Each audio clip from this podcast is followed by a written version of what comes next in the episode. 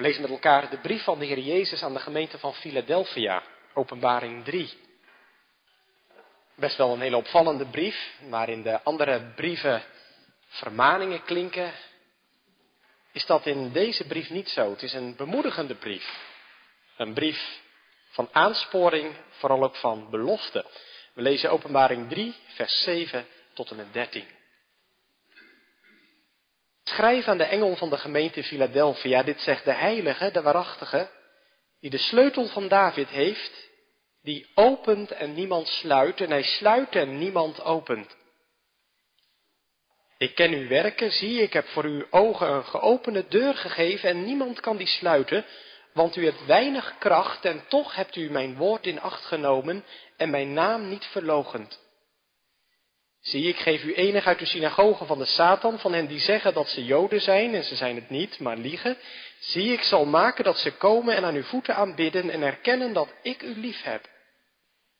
Omdat u het woord van mijn volharding hebt bewaard, zal ik ook u bewaren voor het uur van de verzoeking die over heel de wereld komen zal, om hen die op de aarde wonen te verzoeken. Zie, ik kom spoedig. Houd vast wat u hebt, opdat niemand uw kroon zal wegnemen. Wie overwint, hem zal ik tot een zuil in de tempel van mijn God maken, en hij zal daaruit niet meer weggaan. En ik zal de naam van mijn God op hem schrijven en de naam van de stad van mijn God, het nieuwe Jeruzalem dat neerdaalt uit de hemel, bij mijn God vandaan en mijn nieuwe naam. Wie oren heeft, laat hij horen wat de geest tegen de gemeenten zegt. De tekst is vers 11 van Openbaring 3. Daar zegt de Heer Jezus, zie, ik kom spoedig, houd vast wat u hebt, opdat niemand uw kroon zal wegnemen. Hij komt eraan, dat is het thema van de preek, hij komt eraan. En we letten er allereerst op dat troost gegeven wordt en vervolgens dat er trouw gevraagd wordt.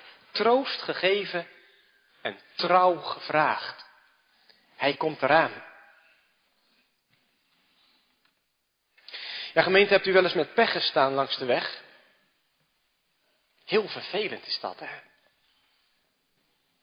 Je bent op weg naar je werk of naar een verjaardag en ineens laat je auto het afweten.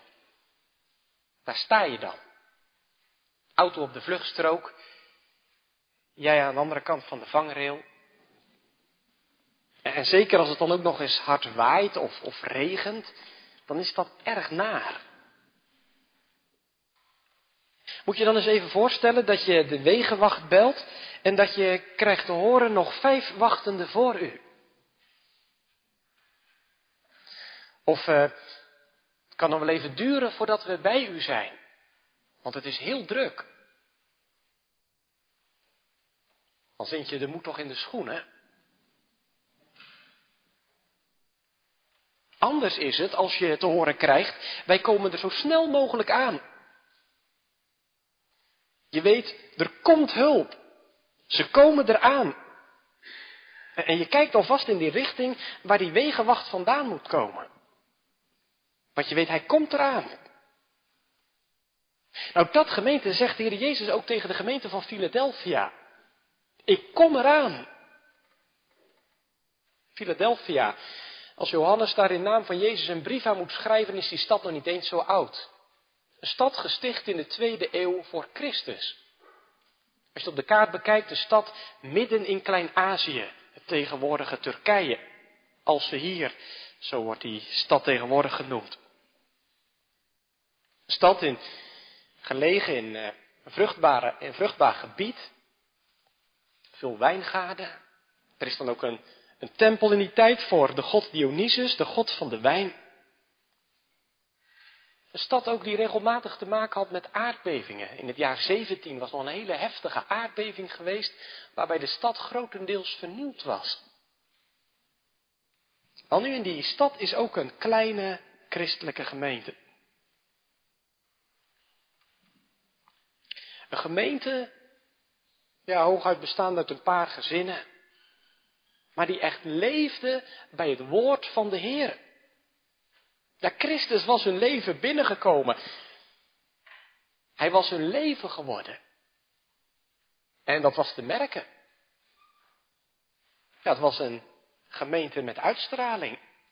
Een gemeente met aantrekkingskracht. Juist omdat ze leefden van die naam van Jezus. Juist omdat ze leefden bij het woord. Nee, makkelijk was het niet. Ze hadden te maken met de nodige tegenstand. Onder andere Joden in de stad maakte het hen nogal moeilijk. De heer Jezus noemt hen in de brief heel scherp het synagoge van Satan. Mensen die niet leven van de waarheid, maar die de leugen propageren.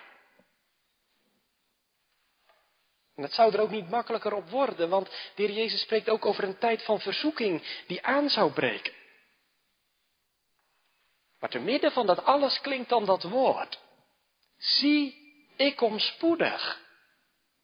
Een geweldig troostvol woord voor die gemeente van Philadelphia. Klein, die het ook niet makkelijk had.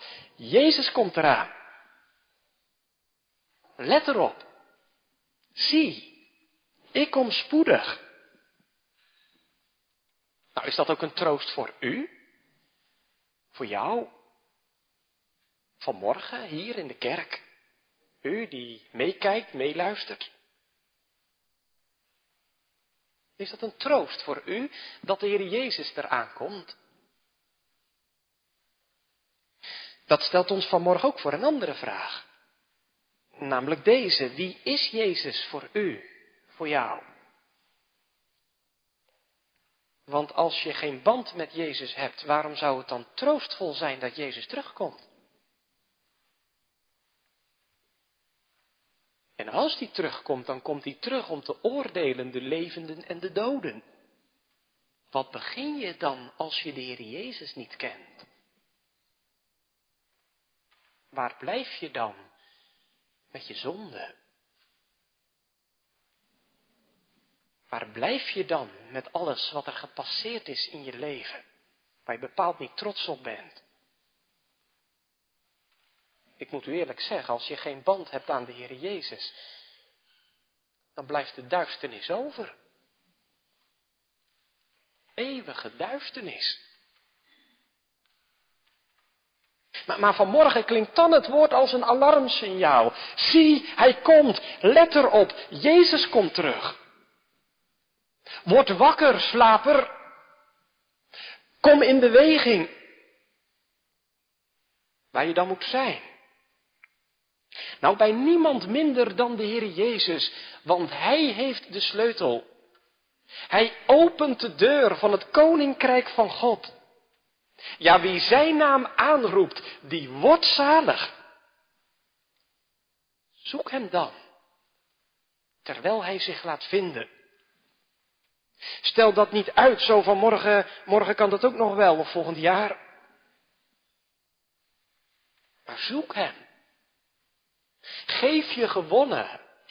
Leg je leven in zijn hand. Vertrouw hem.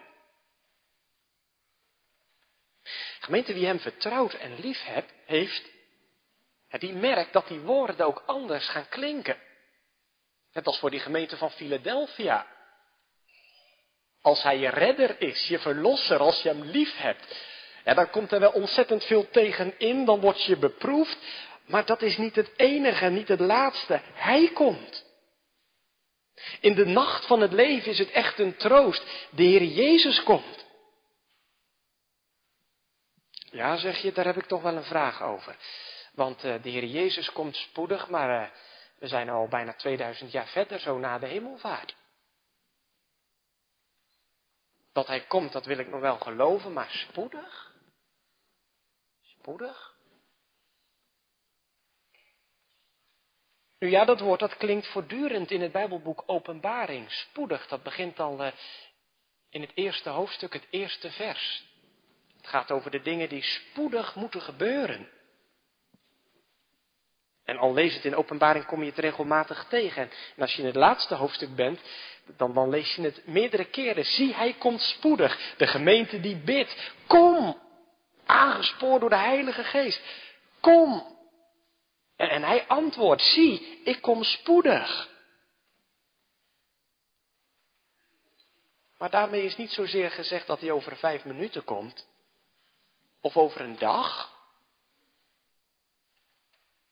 daarmee is vooral gezegd dat hij zich niet laat tegenhouden. Dat hij zijn komst niet uitstelt. Omdat hij het niet zo belangrijk vindt. Dat hij andere dingen voor laat gaan. Het is al helemaal niet zo dat er niks van terecht komt. Integendeel, in de spanning die opgebouwd wordt, aan de ene kant Gods geduld, Gods genade, aan de andere kant de verlossing die aanbreekt, die naar een climax gaat, ja, werkt de Heere erop aan. Hij werkt er naartoe, zijn voetstappen zijn te horen. Hij is onderweg, hij komt eraan en ineens, ineens staat hij straks voor de deur. En dan? Nou, de Heer Jezus gebruikt daar in vers 12 twee beelden voor. Twee beelden die iets duidelijk maken over wat er gebeurt als hij komt. Hij zegt, die overwint, die maak ik als een zuil in de tempel van mijn God en hij zal daaruit niet weggaan. Bij zo'n zuil moet je denken aan een grote pilaar, een dikke pilaar in de tempel. zoals je dat ook wel in een oude kerk hebt. Met zo'n pilaar wordt de gemeente vergeleken. Dat kom je wel vaker in de Bijbel tegen. We lezen dat Paulus aan Timotheus schrijft over hoe het eraan toe moet gaan in de gemeente. En dan schrijft hij aan het eind van dat hoofdstuk dat de gemeente een, een zuil, een, een pilaar en fundament van de waarheid is. De gemeente is een pilaar. De gemeente wordt ook wel vergeleken met een tempel. Een tempel waar de Heere woont door zijn Heilige Geest. Maar in vers 12 gaat het nog verder. Wie overwint, die zal ik maken tot een pilaar in de tempel van mijn God. Die gemeenteleden, die zullen functioneren als een pilaar in de hemelse tempel. En daaruit zullen ze nooit meer weggaan. Kijk, in Philadelphia stonden van allerlei tempels. Voor Dionysus, voor Tiberias. Sterke pilaren waren het die zo'n tempel droegen. Maar als er een aardbeving was, dan begon zo'n pilaar zomaar te schudden en te trillen en te bewegen. En goed mogelijk dat ook de tempels vernield werden in dat jaar 17. Trouwens, de tempel in Jeruzalem, die was in 70 verwoest. Grote pilaren, waar weinig meer van overgebleven was. Maar in het hemels heiligdom, daar zijn Gods kinderen als pilaren die blijven staan, die nooit omvergaan, die nooit weggehaald worden. In die tempel ben je voor eeuwig bij God. In zijn aanwezigheid om hem altijd te aanbidden en te dienen, te eren, te loven en te prijzen dat gaat nooit meer voorbij. Meente, is dat niet iets heerlijks? Wij worden voortdurend geconfronteerd met de dood. Aan mensenlevens komt een eind. Je merkt het ook dat je leven doorgaat. Je wordt ouder, zeggen we dan. Weken gaan voorbij, maanden gaan voorbij, jaren gaan. Het gaat allemaal zo snel. Aan een mensenleven komt een eind.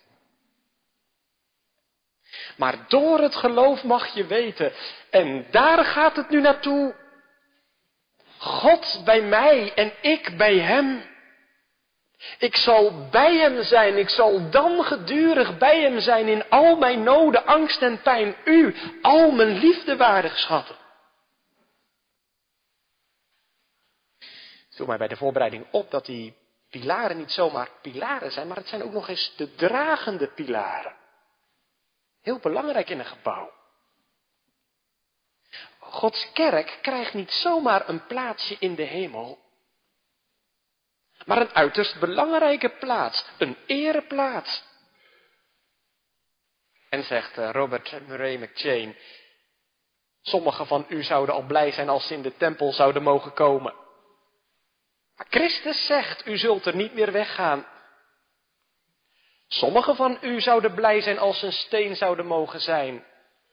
Maar Christus zegt, u bent een pilaar. Een dragende pilaar. Gods kinderen zijn van beslissende betekenis in het hemels heiligdom. Ze dragen dat godsgebouw waarin Hij zal zijn, alles en in allen. De grootheid van de koning komt tot uiting. In de onderdanen. Ja, die pilaren in zo'n tempel, die waren heel mooi gemaakt, versierd. Maar zo is het ook nog een keer met die onderdanen. Ze worden gekroond met eer en heerlijkheid. Om te schitteren en te stralen voor God. Wat een vreugde, gemeente. Is het niet groot wat God klaarmaakt? Daar gaat het nu naartoe. Of beter gezegd, dat komt nu naar ons toe, want Hij komt. Hij komt spoedig. U gebruikt de Heer Jezus nog een beeld in vers 12. Ik zal de naam van mijn God op hem schrijven, de naam van de stad van mijn God, het nieuwe Jeruzalem en mijn nieuwe naam. Wat betekent dat? Dat de Heer Jezus de naam van God zal schrijven bij de overwinning op die gemeente. Eh, het dragen van een naam heeft te maken met het eren van iemand. Philadelphia kreeg voortdurend een andere naam. Op een gegeven moment werd die stad Nieuw Caesarea genoemd als een eerbetoon aan de Caesar, de keizer in Rome. Later werd de stad Flavum genoemd, opnieuw een eer, eerbetoon aan de Romeinse overheid. Maar het dragen van een naam heeft ook te maken met het horen bij iemand. zoals je je trouwring draagt, met daarin de naam van je wederhelft. Je hoort bij hem, je hoort bij haar. Nou, daar gaat het hier vooral om. De Heer Jezus zal de naam van zijn God, dat is de naam van de Vader, schrijven. Waarmee gezegd is, die gemeente die hoort echt bij hem. Ja, door die naam op Gods kinderen te schrijven, worden ze als het ware naar de Vader toegetrokken. Worden ze aan zijn kant getrokken. U zegt, hoe bedoelt u nu precies? Nou, ik denk eventjes aan de hoge priester. Die hoge priester die droeg een hoed. En op die hoed was een bord. En op dat bord stond de heiligheid van de Heer. En waarom moest hij die hoed dragen met die tekst erop, de heiligheid van de Heer? Dat was om de offergave te kunnen dragen. Offergaven die, ja, die bij zondige mensen vandaan kwamen, die dus niet volledig heilig waren. Maar zo'n priester die werd geheiligd, in dienst van de heilige God gezet. En zo was hij bij machten om die offergave te kunnen dragen de naam van de Vader dragen. Dat betekent dat je bij Hem hoort, dat je in Zijn dienst staat, dat je heilig bent voor Hem. Nu is er nog zoveel gebrokenheid, nu kom je zelf nog eens een keer tegen. Maar dan volkomen heilig. Ons hele leven tot Zijn dienst. Ik vind dat echt wonderlijk van huis weggelopen. De deur van het vaderhuis achter ons in het slot gegooid. Omdat we dachten, elders is het beter. Maar nu weer thuis. Thuis in het vaderhuis. Bij hem. Voor hem. Heilig voor hem. Dat is nou omdat Christus dat verricht. Dan wordt er nog een naam uitgedeeld en dat is de naam van het Nieuw Jeruzalem. Jeruzalem, de heilige stad, de stad van Israël. Stad waar de tempel stond, waar God woonde te midden van zijn volk. Er komt een nieuw Jeruzalem uit de hemel. Nieuw, dat wil zeggen nieuw in vorm en kwaliteit. Echt nieuw. En dan niet alleen voor Israël. Ja, het is wel een nieuw Jeruzalem. Ook belangrijk om, om, dat, te, om dat te zien, om daarbij stil te staan. Het is een nieuw Jeruzalem. Israël heeft een bijzondere plaats. Maar, maar naast die twaalf stammen zijn ze ook uit de volken ingevolgd. Zij die de Heer Jezus lief hebben, ze zijn ook inwoner van die stad. Ze zijn ook ingeschreven in die stad. En dat Nieuw Jeruzalem, dat daalt dan neer bij, bij God vandaan. En dan lees ik in Openbaring 21, het is een volmaakte stad van schitterend bouwmateriaal. Een tempel is er niet meer nodig, want God en het lam is in haar midden. De stad heeft ook geen zon en geen maan, want de heerlijkheid van de Heer verlicht haar. Wat zondig is, dat komt die stad niet meer in. Het is er volmaakt. Alle tranen worden van de ogen afgewist. De dood zal er niet meer zijn. Ja, wat een uitzicht. Geen gemis. Geen pijn. Maar nu de dood je zo naar beneden kan drukken als je het verlies zo voelt. Als het nooit meer je zo bezighoudt. Dan geen pijn meer. Geen tranen meer, geen dood meer. Eeuwig leven in de Godstad. Christus schrijft nog een naam. Dat is zijn nieuwe naam. En dan denk je, wat is die nieuwe naam van Jezus? Nou, in openbaring 19 wordt dat uit de doeken gedaan. Here der heren en koning der koningen. Here der heren en koning der koningen. De nieuwe naam van Jezus vertelt van zijn overwinning en van zijn glorie. Van zijn roem, van zijn heerlijkheid. En daar laat de Heer Jezus zijn kerk in delen. Ja, hij komt ervoor uit, zij horen bij mij. Jezus zegt met zoveel woorden, mensen in Philadelphia, jullie hebben mijn naam vastgehouden, jullie hebben mijn naam niet verlogend. Maar, maar ik zal jullie ook niet verlogenen. Jullie mogen mijn heerlijke naam dragen. Gemeente, als, als je het zo tot je door laat dringen, wat er in die beelden ons aangereikt wordt, duivelt het je dan niet? Wat een heerlijkheid. Wat een leven. Bij God. Met Hem en voor Hem. En het gaat nooit meer voorbij.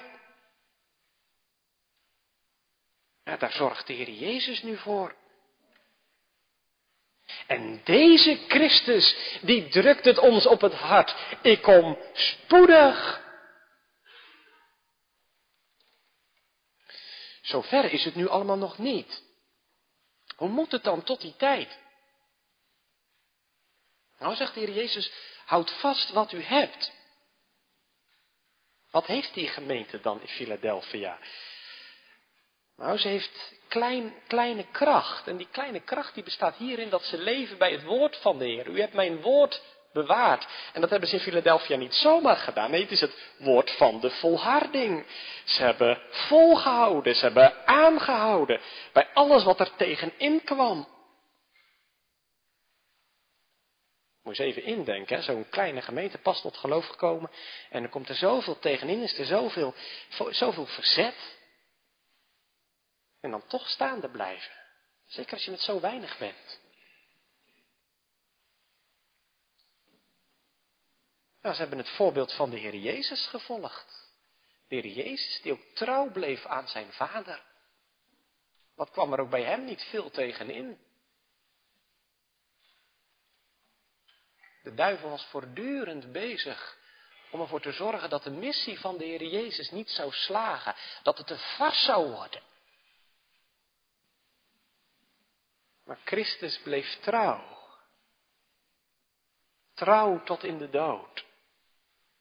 En dat voorbeeld hebben ze in Philadelphia gevolgd. En Jezus zegt, ga daar nu mee door. Blijf leven bij mijn woorden. Laat mijn naam jullie houvast zijn. Laat het niet afweten. Nee, makkelijk zal het niet worden, want er komt een tijd van beproeving en verzoeking. Niet alleen over Philadelphia, maar over de hele wereld. Waar moet je dan precies aan denken? Nou, voordat de Heer Jezus terugkomt, zullen er meer momenten van beproeving zijn, die zich steeds meer toespitsen tot een grote beproeving voorafgaande aan de wederkomst van de Heer Jezus. En wat is dan kenmerkend voor die beproeving? Dit, dat de Satan rondgaat als een briesende leeuw. En dat uit zich aan de ene kant in wetteloosheid en aan de andere kant in antichristelijke machten. Zie je dat vandaag ook niet volop, die wetteloosheid? Als is dat je van het? Als brengt jou dat het echte geluk, de ware vrijheid? Wij zijn fatsoenlijke mensen, hè? Maar, uh, maar ieder woord moet wel gezegd worden, tot in de, kunnen worden tot in de kamer toe. Of om wat anders te noemen, wie het opneemt voor het leven, die kan hele felle emotionele kritiek verwachten.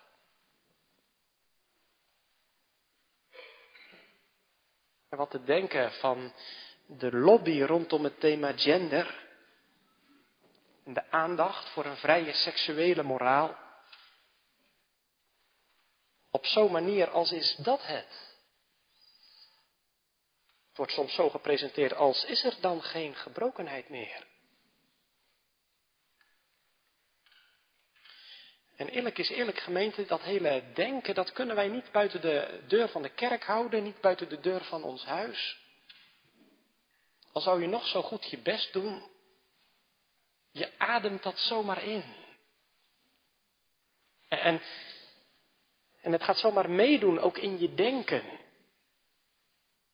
Je schuift soms zomaar op, zonder dat je het in de gaten hebt. Komen er een beetje achteraan. Maar op een gegeven moment, op een gegeven moment, daar gaan we ook maar overstag. Dan zegt de Heer Jezus tegen ons, houd vast, houd vast wat u hebt.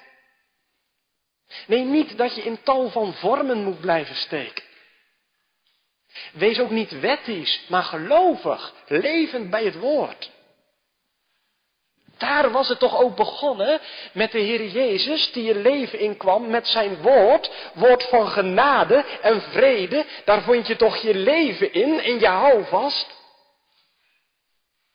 Met zijn woord wist hij je te vervullen met zijn liefde, zodat je achter hem aankwam en hem ging dienen en ging volgen in je leven. Houd dat vast. Dat betekent heel concreet dat je dat woord leest. En dan niet de Bijbel dichtklappen en weer aan de kant zetten en weer overgaan tot de orde van de dag, maar even de rust nemen om erover na te denken, te mediteren. Om zo'n tekst even de dag mee in te nemen, om daar nog eens even op te kouwen. Om daar dan vervolgens uit te leven. Om dat je leven te laten kleuren. Houd wat je hebt in het gemeenteleven, in het gezinsleven, maar ook persoonlijk. Wees nuchter en wees daarbij alert. Ook voor die antichristelijke machten moet u waakzaam zijn. Ja, Johannes die schrijft in zijn brief, kinderen, het is de laatste uren en zoals u gehoord hebt dat de antichrist er aankomt, zo zijn er ook nu veel antichrist geworden, waaruit we weten dat het de laatste uren is. Antichristelijke machten, soms is de aanval frontaal. Wordt het openlijk duidelijk in een debat, in een universiteit, of in de politiek, of in de kerk, dat Jezus er niet mag zijn. Soms is de aanval frontaal. Maar heel vaak is de boze veel slinkser bezig. Heeft oneindig veel geduld, maar hij zet wel door. Langzaam maar zeker. Drukt hij door. Zet hij Christus opzij. Het gaat niet meer over hem. Geloven, ja, interessant. Maar Christus, dat kan het niet zijn. Of hij zorgt ervoor dat de persoon en het werk van Jezus een andere invulling krijgt, een nieuwe invulling. Jezus, maar dan ontdaan van zijn kruis en van zijn opstanding. Ontdaan van zijn goddelijkheid. Jezus niet als iemand die dichtbij komt, maar die op afstand blijft. De duivel wil het liefst dat we ver bij Jezus vandaan blijven. Houd wat je hebt. Wees trouw. Doe je dat niet, zegt de Heer Jezus, dan zal ik de kroon van u afnemen. Wat is dat, die kroon? Is dat aan het eind van de tijd? Dat je dan aan het eind van de wedstrijd de, de overwinning niet haalt, de kroon niet krijgt? Dat zou je kunnen denken, want de Heer Jezus die zegt tegen Smyrna, wees trouw tot in de dood en ik zal u geven de kroon van het leven. Maar, maar hier gaat het niet zozeer om iets aan het eind van het leven. Nee, die kroon die heb je al, zo blijkt. Je mag wel denken hè, aan eh, die geschiedenis van Paulus en Barnabas in Lystra. Als dat wonder dan gebeurd is, dan willen de priesters hen kransen omhangen om ze te eren.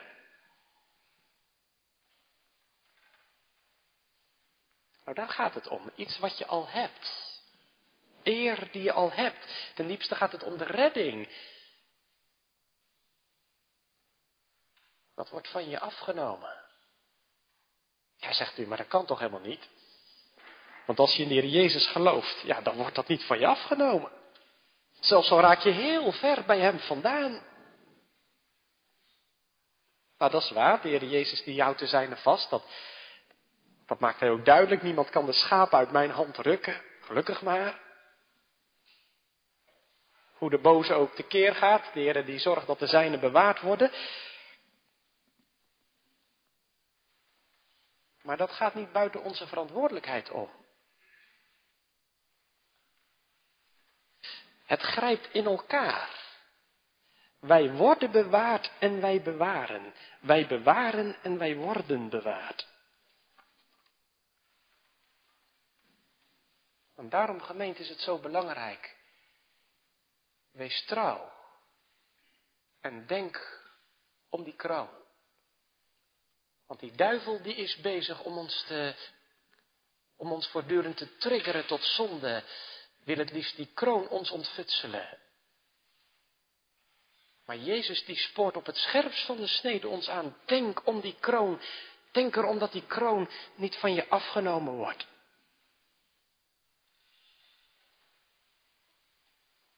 Juist in de beproeving komt ook aan het licht hoe het zit met het geloofsleven. Iemand schreef in de, in de, in de verzoeking zal naamchristendom en vormchristendom schijnchristendom en sleurchristendom als kaf afvallen. Er zijn heel wat afvallers. Ze hadden er zicht op. Op de Heer Jezus en op het kruis. Maar het verdwijnt uit beeld. Houd vol. Houd aan. Daar hebben wij verantwoordelijkheid in. En dat gaat niet vanzelf. Geloofsleven gemeente is een strijdend leven. Wat gaat het soms moeizaam? Wat word je nogal eens een keer heen en weer geslingerd? Soms steekt zomaar twijfel de kop op. De duivel kan soms zo'n vat op je hebben. Op je denken en op je doen. En er zijn van die momenten dat je als mens ook heel wanhopig kunt worden. Dat je het niet meer weet en dat je voor je gevoel alles kwijt bent. En toch gemeente, een gelovige is daar nooit tevreden mee. Door dik en door dun gaat dat geloofsleven zich toch uitstrekken naar de Heer. Omdat het op de bodem van het hart leeft. Dat Hij het is. Je verlosser en je zaligmaker. Dat je Hem nodig hebt en dat je hart naar Hem uitgaat. Al is het met pijn en moeite. Met een zucht of met een traan, dan toch, Heere, u bent het. Op uw woord heb ik gehoopt. Nee, dat geloofsleven, dat leeft niet altijd op de toppen. Soms gaat het heel moeizaam. Soms weet je het niet.